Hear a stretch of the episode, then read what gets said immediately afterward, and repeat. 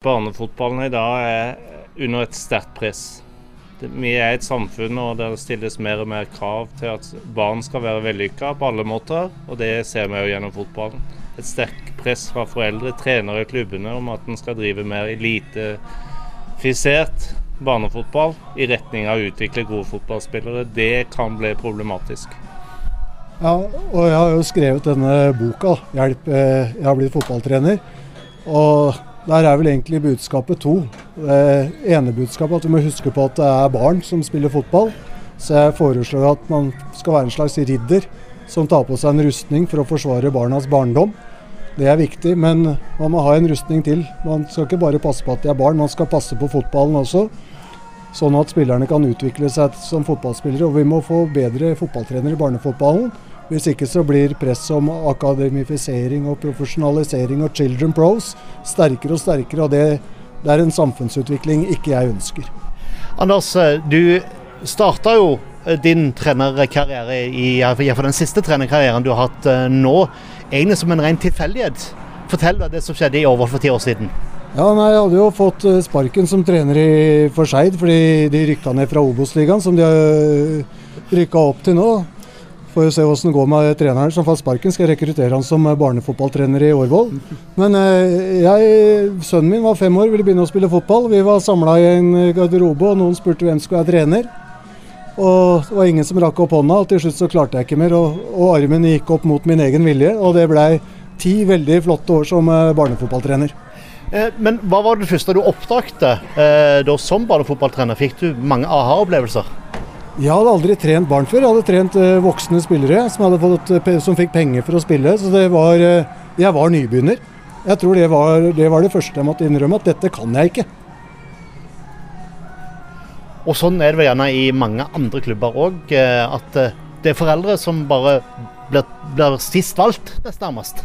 Ja, mange av de som er trenere har jo en eller annen form for fotballbakgrunn. De har jo spilt fotball, kanskje, til og med sånn som jeg har vært trenere for, for, seniorer. Men det er jo ikke det samme som å trene en gjeng med femåringer. Det er noe helt annet. Så det måtte jeg rett og slett eh, lære meg, og det har jeg forsøkt å gjøre. Og så har jeg skrevet denne boka da, basert på mine egne erfaringer. og rimelig grundig research over et eh, par år med det jeg har klart å komme over av klok forskning på området barn og utvikling og fotball.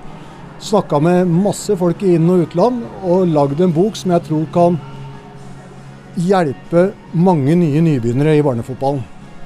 Jeg har vært rundt og sett på litt, på litt klubber og ser at det henger jo en, en plakat uh, på banen der, der det bl.a. står at det er ikke VM. Der står en del foreldrevettsregler som, som står på her. Uh, Går det inn at folk forstår at uh, unger må få lov å være unger når de holder på med fotballen? Jeg tror at veldig mange foreldre og barnefotballtrenere i dag blir veldig sterkt påvirka av mye av det som skjer i toppfotballen og elitefotballen.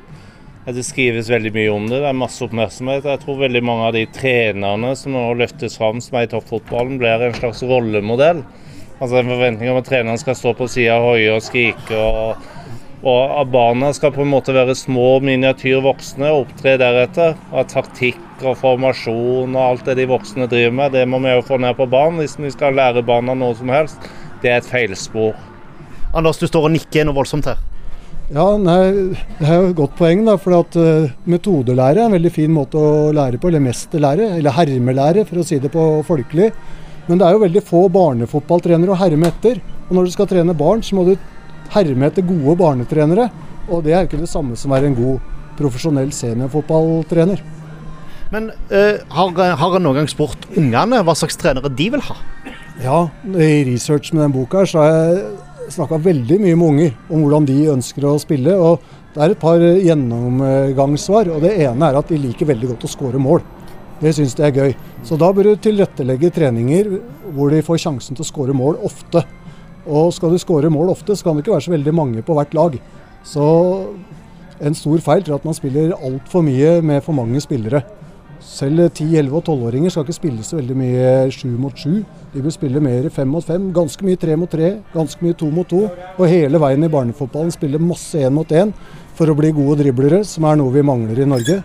Så et av mine ønsker med norsk fotball gjennom den boka jeg har skrevet, er at vi skal få mer fokus på å lage kreative spillere som tør å utfordre, og som kan utfordre.